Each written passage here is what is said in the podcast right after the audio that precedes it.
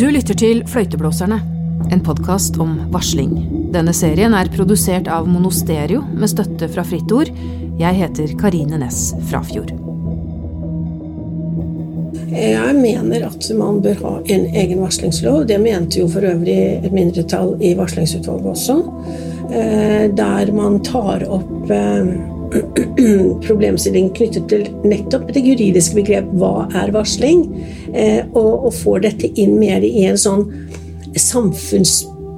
Altså en, en ramme som gir indikasjoner. Hva mener samfunnet er kritikkverdige, ulovlige forhold? I dag faller varslingsbestemmelsene inn under arbeidsmiljøloven. Flere tar til orde for at vi bør ha en egen varslingslov bl.a. advokat Kari Breirem. Hun varslet i den første og kanskje mest kjente varslersaken i Norge, Tønne-saken fra 2002. Kari Breirem jobbet i advokatfirmaet Bar da hun nektet å underskrive en faktura med et millionhonorar til tidligere helseminister Tore Tønne. Den avgjørelsen endret livet hennes. Eh, nå ble nå den saken min den som ble hvor varsling ble satt på dagsorden. Eh, på godt og vondt for meg. Kari Breirem synes det er problematisk at lederatferd og kritikkverdige forhold på arbeidsplassen sidestilles med korrupsjon og maktmisbruk. Hva er varsling sånn eh, i det store og hele? Og det kan dreie seg om sånn som ja, trakassering, diskriminering, mobbing, kritikkverdig forskjellsbehandling f.eks. For og det jeg er mest opptatt av, det er da eh, maktmisbruk. Misbruk av stilling eller posisjon, økonomisk kriminalitet, korrupsjon, eh, skatteunndragelse, arbeidslivskriminalitet og den type problemstillinger.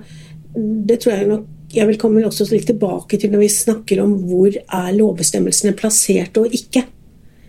Og hvorfor, og hva er det man varsler om, og hvorfor er det blitt slik?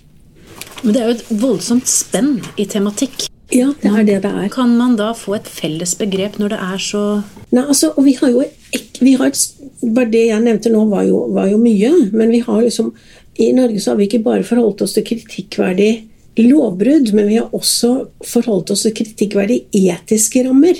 Altså Hvis du overtrer en etisk ramme, så er det også varsling i arbeidsmiljøens forstand. Altså etikken kommer i tillegg. Så, så, i Norge har vi et veldig vidt begrep på, på dette. Eh, andre land har ikke så eh, omfattende eh, begrep på, på varsling. Eh, så, så, Og jeg Det er vanskelig å si hvorfor det er blitt sånn, men jeg kan tenke meg at i hvert fall er det min, min, tese på dette. Det er plasseringen av bestemmelsen. Det er blitt plassert i arbeidsmiljøloven. Det tror jeg er lite heldig. Den, når varslingsutvalget ba Fafo om å gjøre en utredning av hva var det man varslet om, så var det en overveiende andel, stor andel, var eh, trakassering, eh, mobbing, lederatferd. Ikke minst eh, lederatferd. Eh, mens det var langt mindre det som går på maktmisbruk, det som går på økonomisk kriminalitet og korrupsjon, som virkelig er samfunnsskadelige problemstillinger. Det var det langt, langt mindre av. Og, og det tror jeg kanskje. Eh, jeg har ikke noe empiri på det, men jeg tror at det kan ha sammenheng med den plasseringen av loven. Det samfunnet er kritikkverdige, ulovlige forhold. Det som jeg nevnte i sted, med, med arbeidslivskriminalitet, maktmisbruk, økonomisk, økonomisk, kriminalitet, korrupsjon. Den type ting. For det er det som skader samfunnet mest. Så kan selvfølgelig de som mener at lederatferd også er eh, samfunnsskadelig, det er jo absolutt helt enig i. Men hvis man kunne tenke seg et tosporet system der man hadde en egen varslerlov generelt, og så hadde man forsterket lovbestemmelsen i arbeidsmiljøloven på en slik måte at du, at du ivaretok et tosporet system der. For det er jo sånn i dag at du har jo plikt å varsle dersom du ser at dine kollegaer eller andre eller lederatferd så Eh, f.eks. lederatferd, er utsatt for eh, trakassering, mobbing og den type ting. Det hadde vi i arbeidsmiljøloven før, før varslingsbestemmelsen kom.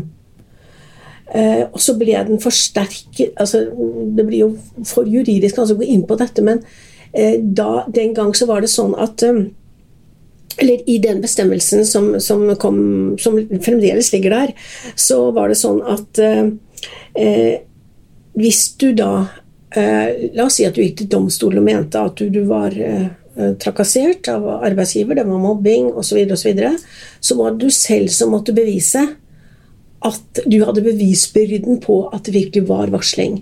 Og da ble du i utgangspunktet, sånn som rettspraksis sa, du ble sammenlignet Du ble ikke, du ble ikke sett på om du var ekstra sårbar eller ekstra tøff, men du, de tok trakasseringsproblemet ble relatert til hva vil en gjennomsnittsperson mene om dette. Og, hvis, og når du tok den vinklingen, så ble det veldig mange varslingssaker der Nei, eh, mobbesaker der vedkommende ikke ble ansett å være mobbet eller trakassert.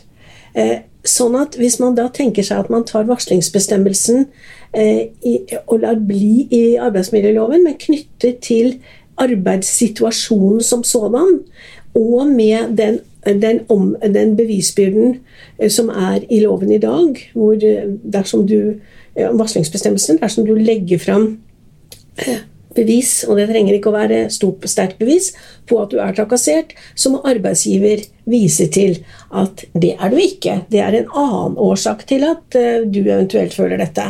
Så hvis man kunne tenke seg den kombinasjonen, at man lot noe av, av lovbestemmelsen i, eller lovbestemmelsen om varsling bli igjen i deler av problematikken rundt varsling. Altså det som går på, på lederatferd, trakassering av klienter, av kollegaer eller hva det måtte være. Og at du hadde en overordnet varslingslov som, som tok hele bøtteballetten ikke sant? Med, med økonomisk kriminalitet, samfunnsskadelig virksomhet, maktmisbruk eh, og dette. Og, og da tror jeg at det ville vært lettere å fjerne det stempelet som etter hvert er kommet på varslere, at det blir en personalsak. Dette er en personalsak. Dette er en personalsak. Eh, selv om ikke varslingsbegrepet var eh, satt på dagsorden den gangen jeg varslet, så ble det jo en personalsak. Advokat Birte Maria Eriksen støtter Kari Breirem. Eriksen har tatt doktorgrad om varsling og forsker på utfordringer i det nye arbeidslivet.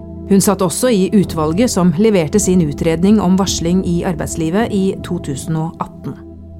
Det er veldig mye som skjer på dette feltet. På eh, nasjonalt plan har vi nettopp hatt Vi hadde jo en, eh, to lovgivningsprosesser i Norge. En, en, liten, en, en, liten en i 2018, altså den litt større i 2019. Og så, eh, og så er det alt dette her som skjer på EU-plan, og også på dette soft law, kaller vi det for, når det er sånne organisasjoner som kommer med anbefalinger osv. Så, så har vi selvfølgelig Transparency International, som, som, som også har vært eh, viktige eh, bidragsytere i forhold til signaler knyttet til dette med korrupsjonsbekjempelse. Så, så, ja, så varsling er på en måte vi har veldig sånn alminnelig og generell lovgivning i Norge som dekker alle mulige kritikkverdige forhold. Eh, og så har du nå EU-rettsutviklingen som handler om på varsling om brudd på EU-retten. Og så har du alle disse organisasjonene som særlig, eh, særlig, gir anbefalinger knyttet til det å sikre et effektivt varslingsinstitutt for å bekjempe korrupsjon og økonomisk kriminalitet. Um, og så har vi denne diskusjonen som nå eh, forskningsmiljøet på, på Oslo OsloMet og, og Arbeidsforskningsinstituttet er, er, begynner å stille spørsmål ved, nemlig at eh, de aller flere, altså flertallet av varslingssaker i Norge gjelder brudd på arbeidsmiljølovgivningen. Um, og er det egentlig det eh, varslingsinstituttet uh, bør på en måte få så stor betydning for? Er, det, er varsling den rette måten å håndtere utfordringer i arbeidsmiljøet på.